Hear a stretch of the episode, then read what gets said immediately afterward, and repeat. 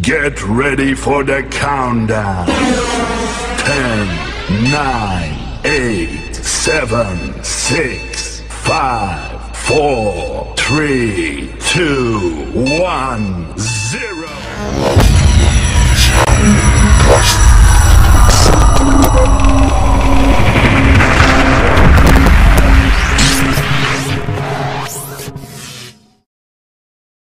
Salam inspirasi, hai Ospekers, hai, aku Dila.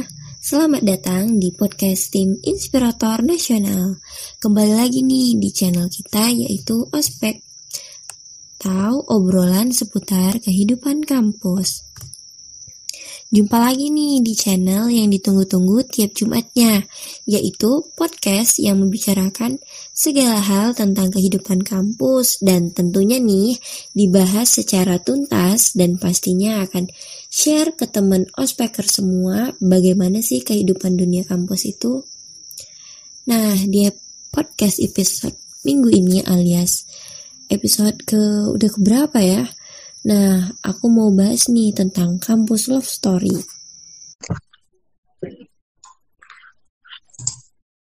Nah, kali ini aku Dila dari Universitas Islam Negeri Sultan Syarif Kasim Riau mau ngebahas nih mengenai kampus love story. Nah, udah tahu kan ya uh, podcast hari ini ngeceritain tentang kampus love story nih. Nah, sebelum itu aku mau kasih tahu nih, sekarang aku mau ngenalin salah satu narasumber. Hai, Alfian. Kenalin dulu dong. Halo, halo Kak Dila. Oke, aku langsung perkenalan aja kali ya. Boleh, boleh. Uh, Oke teman-teman, ketemu lagi bareng aku di sini. Aku Alfian Ridaki Anaziri. Aku adalah mahasiswa angkatan tahun 2020 dari jurusan Perencanaan Wilayah dan Kota Universitas Diponegoro. Ketemu lagi teman-teman sama aku di sini. Alfian mantep banget nih dari jurusan Teknik PWK ya dari Undip. Bener nggak aku? Bener banget kak, aku dari PWK atau teman-teman lebih mengenalnya mungkin planologi kali ya. Berarti gambar-gambar gitu ya kak ya? Hmm, kurang lebih ada gambarnya juga, cuman nggak sebatas gambar juga sih kak, uh, kayak lebih luas lagi sih. Oke, nah di podcast episode minggu ini nih, uh, aku mau bahas mengenai kampus love story nih. Hal ini sebenarnya agak menarik sih untuk dibahas karena biasanya yang kita temuin di kampus itu banyak banget tuh yang jadi cinlok sejurusan gitu bener gak sih Kak Alfian? Waduh, ini sih udah jadi rahasia umum kali ya kayak kita mungkin kayak ketemu teman satu ospek kali ya atau satu organisasi atau satu kegiatan deh pokoknya yaitu kayak gimana ya? Kayak udah bukan rahasia umum lagi deh kalau orang-orang tuh suka cinlok atau jadi akhirnya berpacaran karena ada suatu momen kayak gitu kali ya kak? Nah iya bener banget tuh karena aku pernah dengar katanya kalau misalnya kita sering berhubungan dengan satu orang itu jadinya kayak kita bisa timbul tuh rasa yang seperti itu. Nah, Hospeker, sebelum kita bahas-bahas nih, sebelumnya aku mau tanya nih, kakak Alvin ini jomblo atau gimana sih? Waduh, gimana nih ya? Aduh ngejawabnya. Aduh, kalau boleh jujur nih ya, karena aku udah kuliah tiga semester off. Eh sorry, aku udah kuliah tiga semester online nih. Jadi aku belum ada kesempatan aja sih. Jadi ya, alhamdulillah sekarang masih jomblo sih teman-teman. Oke, berarti kakak ini masih jomblo nih teman-teman. Nah, boleh banget nih ya.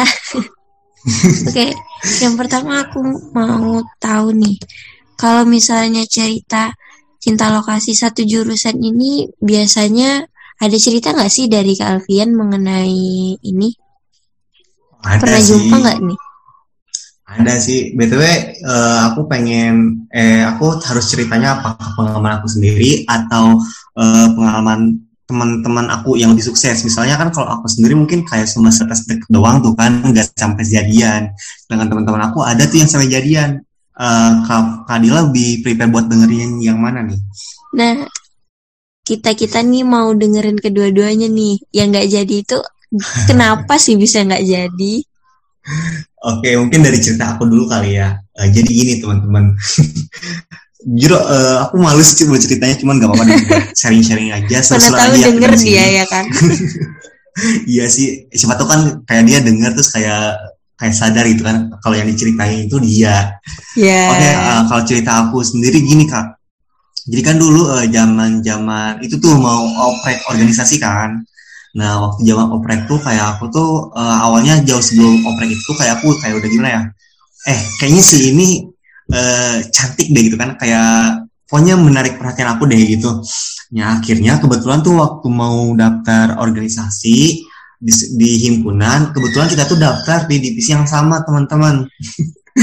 nah oleh karena itu tuh kayak ya udah kita kayak jadi sering tuh jadi intes buat catatan kayak nanya-nanya ini gimana nih buat seleksi?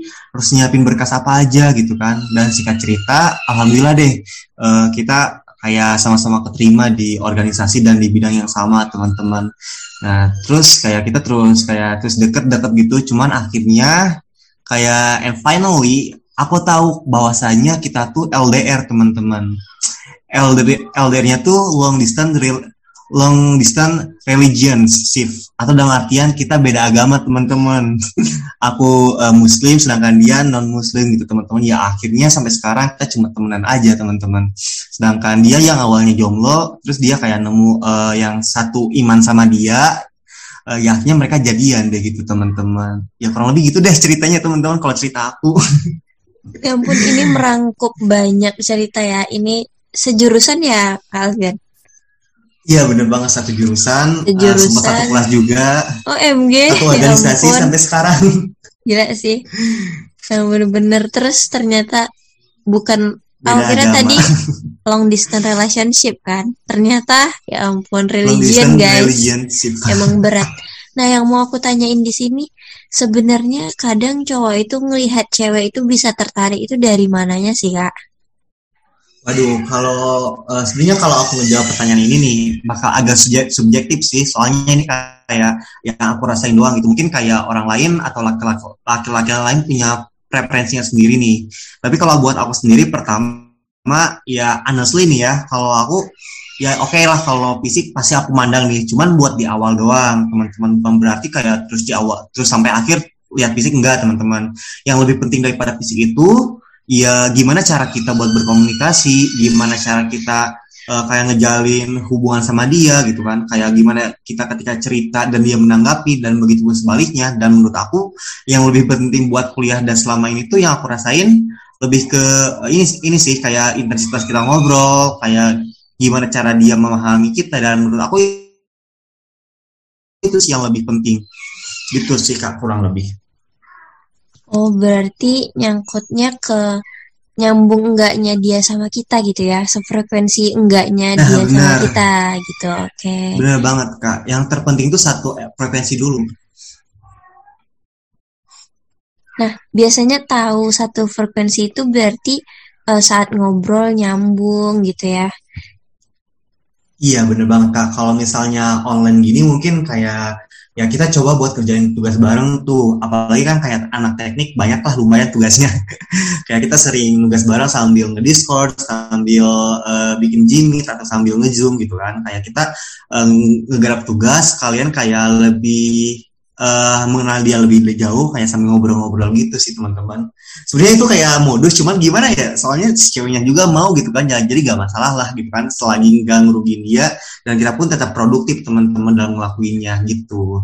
Kalau misalnya offline ya mungkin ya kalau mis kalau pengen benar-benar kenal dia ya uh, ajak jalan aja sih buat kayak uh, nugas bareng gitu sih teman-teman cuman yang pengen aku guys bawahi jangan sampai kalian tuh ngelakuin kayak gitu cuma buat nyari keuntungan kalian doang teman-teman dan jangan sampai ngerugiin uh, lawan jenis kalian gitu sih pesan dari aku.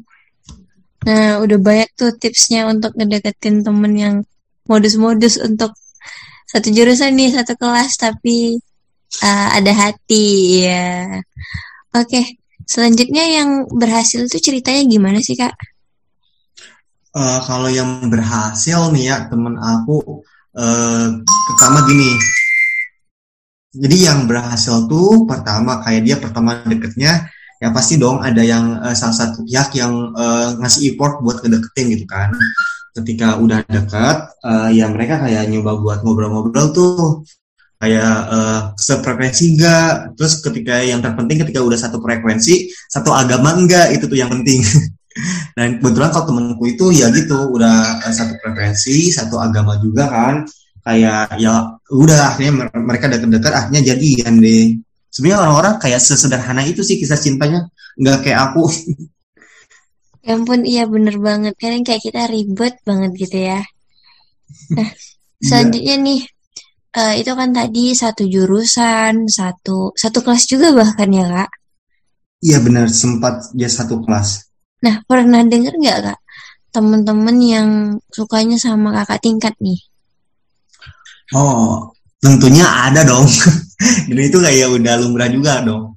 Kayak ada uh, adik bukan adik kelas sih maksudku satu angkatan aku kayak suka ke kakak tingkat aku dan kebetulan nih kayak aku kan di himpunan. Nah kebetulan kayak ketua himpunan aku tuh kayak ya good looking lah istilahnya. Dan itu tuh kayak kalau misalnya meet himpunan atau ada acara himpunan itu tuh kayak gimana ya kayak selalu uh, menyorot atau mengambil perhatian uh, teman-teman aku gitu loh. Soalnya ya gitu deh. Uh, ketua himpunan aku cukup good looking sih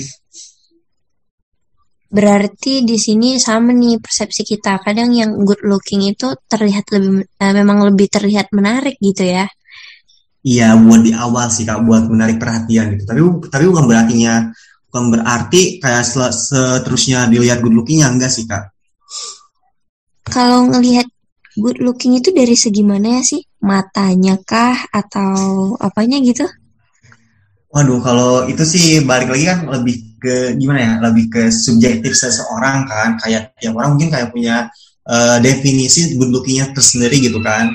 Dan itu kita gak bisa menyampaikan persepsi semua orang gitu. Kayak mungkin orang orang ada yang menganggap yang good looking itu yang tinggi yang uh, matanya uh, apa sih melotot gitu kan. Tapi ada pula orang lain yang uh, menganggapnya gak pengen yang terlalu tinggi tapi pengen yang kayak sepantaran aja terus kayak pengen yang uh, kulitnya agak sawo matang gitu kan. Jadi itu lebih balik lagi ke preferensinya masing-masing gitu teman-teman. Jadi gak ada uh, patokan khusus uh, seorang itu bisa dikatakan good looking atau enggak teman-teman. Dan itu pun kita bakal tetap terlihat good looking di mata orang yang tepat. Itu sih teman-teman yang penting.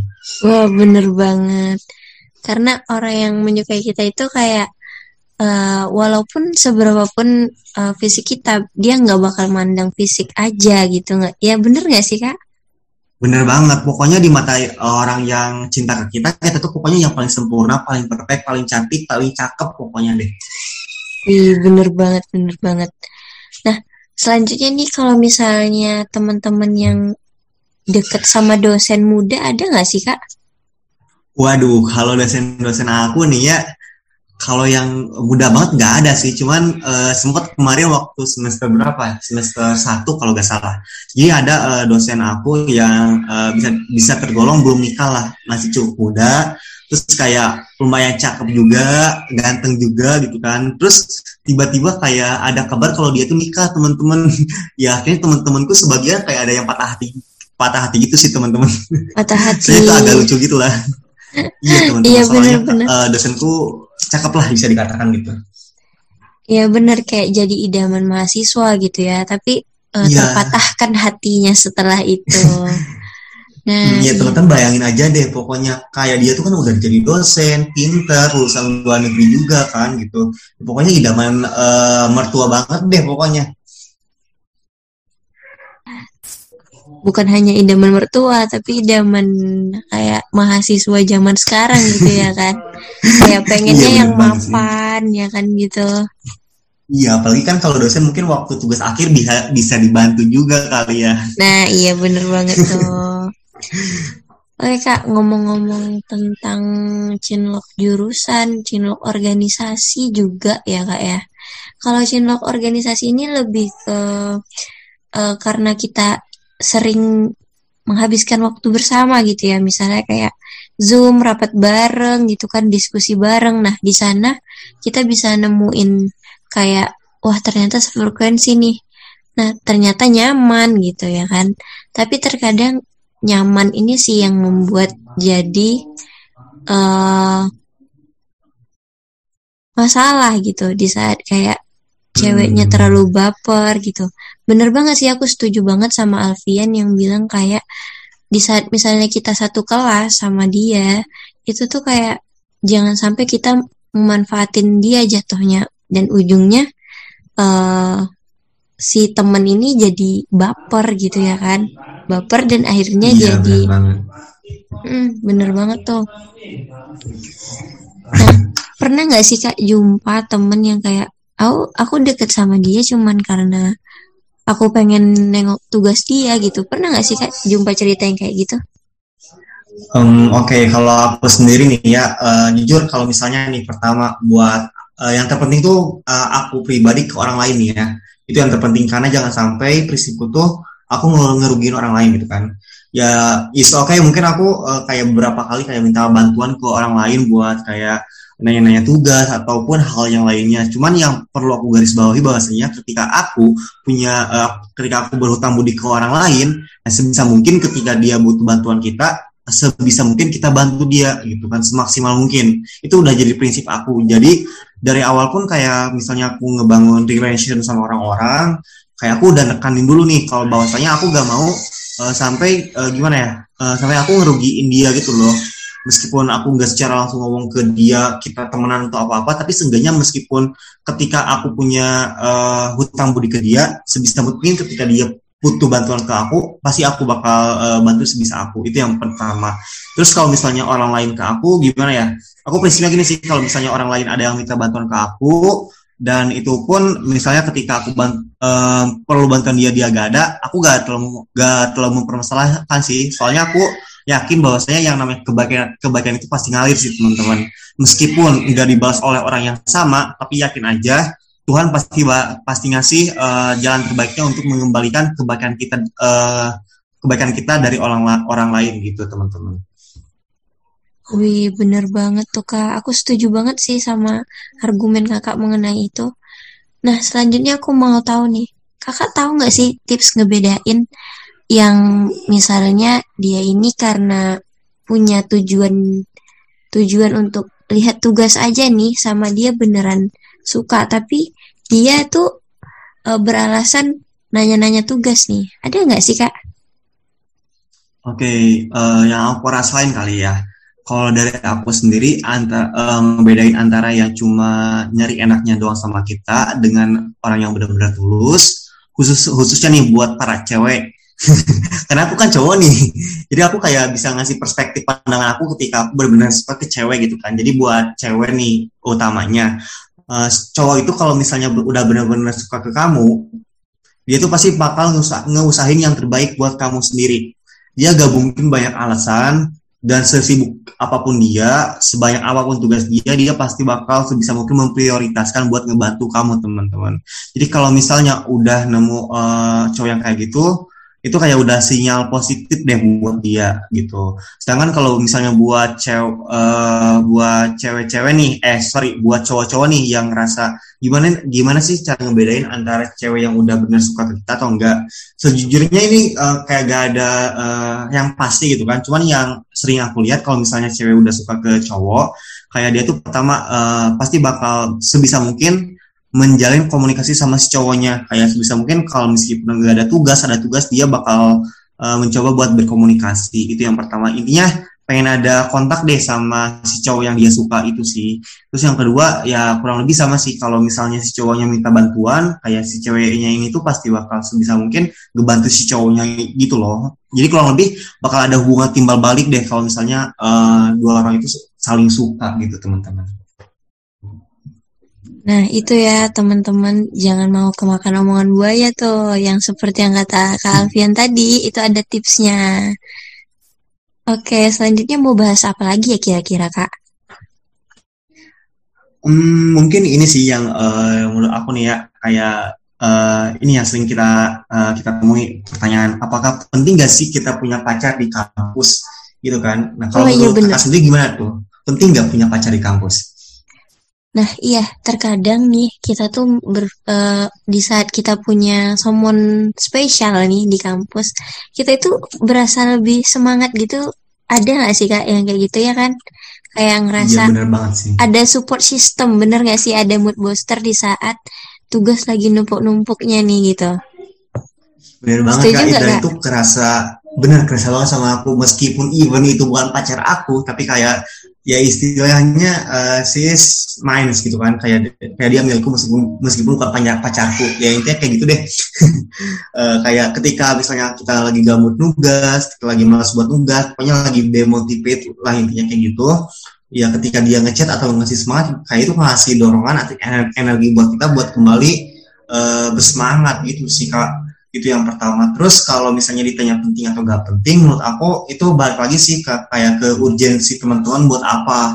Kalau misalnya nih teman-teman kayak perlu teman buat nugas perlu teman buat eh, intinya kayak buat berjuang bareng deh. Yaitu balik lagi buat ke hak eh, teman-teman teman masing-masing. Asalkan ya kalian ngasih kepastian ke dia jangan sampai kalian kayak udah ngedeketin dia tapi akhirnya ngeghosting gitu kan. Terlepas itu buat cowok ataupun cewek gitu teman-teman. Intinya kasih kepastian mau itu teman-teman cuma eh, pa- temenan doang atau eh, teman-teman mau serius sama dia. Gitu sih teman-teman dari aku. Berarti penting ya kak untuk memberi kepastian. Kayak misalnya mau temenan aja atau emang ke yang serius gitu kak? Atau itu nggak Iya, penting bener juga sebenarnya kak menurut aku itu penting banget sih buat eh, kita utamanya buat cowok-cowok kayak ngasih kepastian ke si cewek. Karena sih yang namanya cewek itu pasti gak enak dengan yang ma- eh, gak suka dengan yang namanya digantung teman-teman. Ya teman-teman juga pendengar ya ospeker pasti, pasti ngerasa dong kayak gak enak dong digantung sama cowok gitu kan. Jadi sebisa mungkin buat kalian nih para cowok calon buaya kampus sebisa mungkin kalau kalian cuma pengen teman-teman sama cewek kasih kepastian dari awal jangan sampai si ceweknya udah baper kalian baru ngomong kita cuma temen dan ya kalian mikir aja deh gitu kan pasti gak enak teman-teman di- digituin sama temen sendiri Oh iya bener nih, ini tips untuk buaya kampus nih. Jangan gitu ya guys. Kami sebagai perempuan nih, aku memperdengarkan suara perempuan. Itu tuh kayak kami tuh sebenarnya nungguin kalian aja gitu. Kami tuh ngikut aja gitu. Cowok itu eh, gimana. Jadi nanti kami bakal ngikutin itu. Jadi kayak kami tuh butuh juga kepastian dari si cowoknya kayak gitu. iya bener banget Nah, tapi nih Kak, misalnya kita sebagai cewek nih, pengen minta kepastian ke cowok tapi enggak eh, langsung kode gitu. Yang baik itu biar cowok nih peka gitu, ada nggak sih Kak? Hmm, kalau yang sering aku temuin sendiri sih sebenarnya buat kalian minta kepastian itu hak kalian loh. Itu full hal, hak kalian buat kalian menagih kepastian. Cuma yang perlu aku garis bawahi di sini, kalian harus milih metode atau eh, cara yang pas. Pertama, jangan sampai ngebikin si cowoknya ilfeel, jangan sampai ngebikin si cowoknya kayak gimana, kayak terkesan eh, jadi raja gitulah. Karena kalau misalnya cowok udah ngerasa kayak gitu, si cowok tuh bakal jadi seenaknya sama si ceweknya gitu kan. Jadi intinya meskipun kalian mau nge apa sih mau minta kepastian eh, atau misalnya mau eh, nembak duluan ya itu is oke hak kalian asalkan kalian tetap melakukannya dengan cara yang elegan gitu teman-teman. Nah, iya bener banget. Terkadang kan kita berpikir kayak takut nih nanti dianya ilfeel kayak gitu. Kalau misalnya aku boleh tahu nih Kak, cowok itu ilfeel dengan eh, cewek yang gimana sih Kak? Yang langsung to the point kah atau gimana? Eh, kalau aku sendiri nih ya lagi-lagi aku bakal ngejawab secara subjektif berdasarkan sorry berdasarkan eh, yang aku rasain sendiri nih. Eh, kalau buat aku sendiri, eh, aku bakal ngerasa eh, ilfeel kalau misalnya si cewek itu kayak eh, bener-bener eh, mempertaruhkan harga dirinya hanya buat si cowok itu gitu kan. Nah, artian kayak gini, misal kayak si cowok tuh kayak udah ngasih sinyal negatif buat dia, tapi dia terus aja maksa buat dekat. Nah, menurut aku yang kayak gitu tuh yang perlu teman-teman eh, apa sih perhatikan, jangan sampai kalian tuh eh, menjatuhkan mahkota kalian sendiri. Nah, istilahnya kayak gitu teman-teman. Kalian tuh punya harga diri, kalian itu berharga, jangan sampai kalian disia-siakan oleh orang yang salah. Ketika orang orang tersebut sudah memilih untuk tidak bersama kalian, gila berat banget. Gila, Eh, aku ya jadi itu- sedih dengernya. ya intinya eh, kalian harus tahulah kapan waktunya maju dan kapan waktunya buat kalian mundur gitu sih teman-teman. Berarti kita harus ngelihat nih teman-teman gimana respon si cowok atau si cewek ini gitu.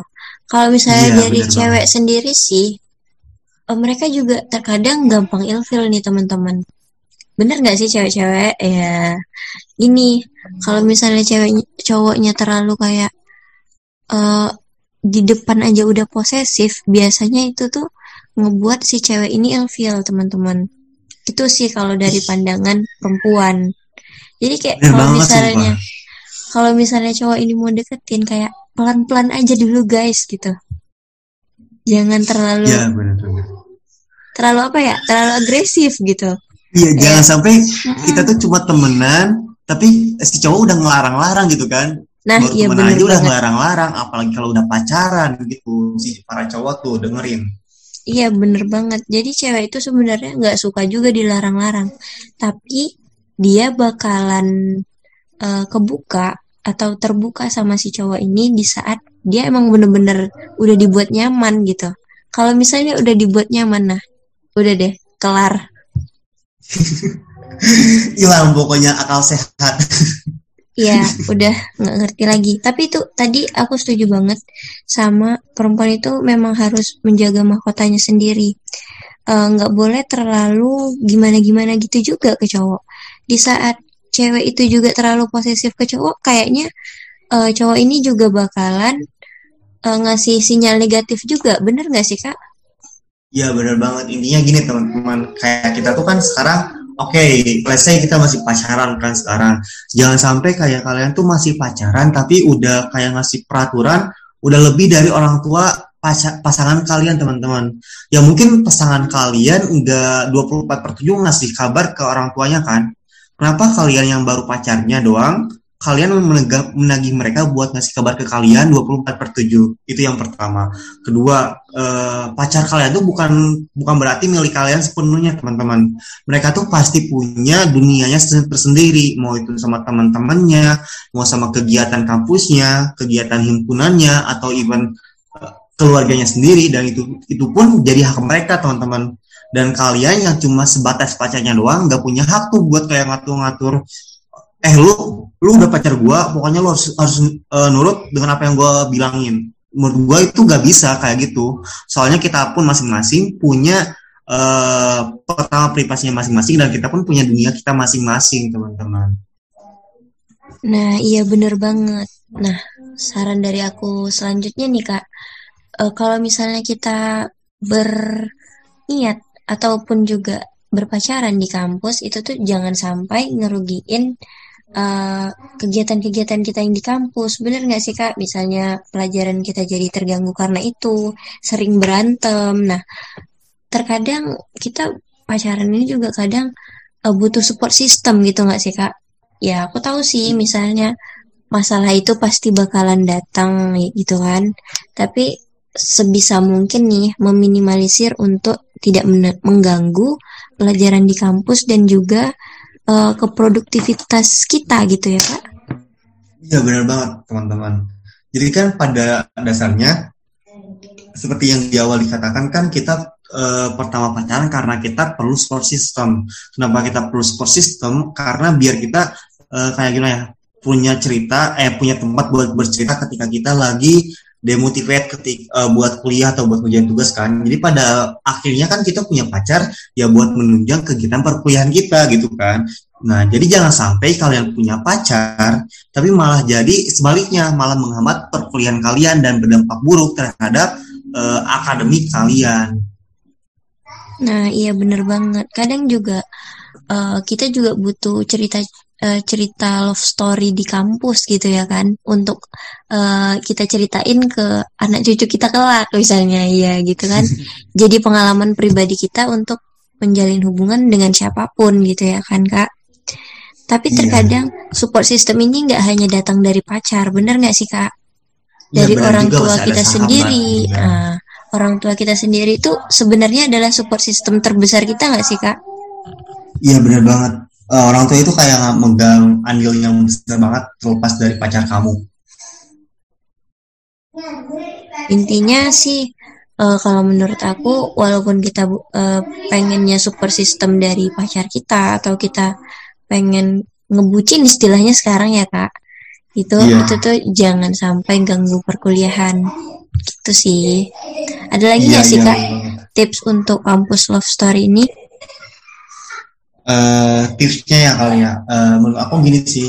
Jangan sampai kalian tuh terburu-buru buat eh, dapat pacar dapat doi dapat kelas dapat gebetan. Pokoknya jangan sampai terburu-buru. Karena eh, pasangan kalian itu pasti eh, udah ditetapkan sama Tuhan. Dan yang pasti mereka bakal datang di waktu yang tepat gitu kan. Pun kalau mis- misalnya kalian udah bertemu sama seseorang dan kalian anggap she's the one for me atau uh, for your uh, apa sih pokoknya uh, dia yang terbaik buat kamu. Uh, aku rasa itu uh, sah-sah saja buat kalian ngerasa kayak gitu. Cuma yang pasti ketika semisalnya ketika sampai kalian jatuh terlalu dalam. Kenapa? Karena uh, mau sepahit apa pun pertemuan atau perpisahan pasti ada uh, pembelajaran yang bisa kita ambil teman-teman. Intinya ambil hikmahnya tetap berjalan ke depan dan yakinlah sudah ada rencana terbaik yang Tuhan uh, siapkan untuk kita wah bener banget sih kak terkadang pun pacar bukan tentu belum tentu itu jodoh kita juga bener nggak sih kak iya benar banget benar Aku setuju banget sih argumen dari Kak Alfian untuk malam ini. Nah, makasih banget ya Kak Alfian sebagai narasumber kita pada malam hari ini. Nah, jadi itu Oke. tadi ya Ospekers, pembahasan kita mengenai kampus love story nih. Semoga kalian nantinya ini bisa jadi referensi kalian untuk eh, mana tahu yang kami obrolin ini pas dan mungkin tips-tips dari Kak Alfian tadi bisa ngebuat boya-boya kampus ini bisa ngedapetin perempuan. Tapi jangan main-main guys, ya ampun. Nanti jadi karma loh jatuhnya. Oke, Ospeker, sekian dulu nih dari aku dan juga narasumber kita, Kak Alfian. Nantikan terus channel Ospek Podcast Tim Inspirator Nasional hanya di Spotify setiap Jumat jam 7 malam. Nggak boleh sampai kelewatan ya Ospekers di episode selanjutnya yang pastinya bakalan lebih seru. Bener nggak sih Kak? betul banget pokoknya tetap stay tune di uh, channel Spotify Inspirator PTN selain kita dengerin ospek juga coba dengerin uh, podcast podcast lainnya dari Inspirator Lulus PTN yang gak kalah serunya teman-teman sebentar Kak. Don't forget juga nih Ospekers untuk mampir ke IG at Inspirator Lulus PTN dan juga kita juga udah punya YouTube juga ya Kak ya. iya benar banget Nah, nantikan terus konten-konten lain seputar PTN yang tentunya bakalan gak kalah seru dan juga sangat inspiratif pastinya. Sampai jumpa, sampai jumpa semuanya. Salam inspirasi. yeay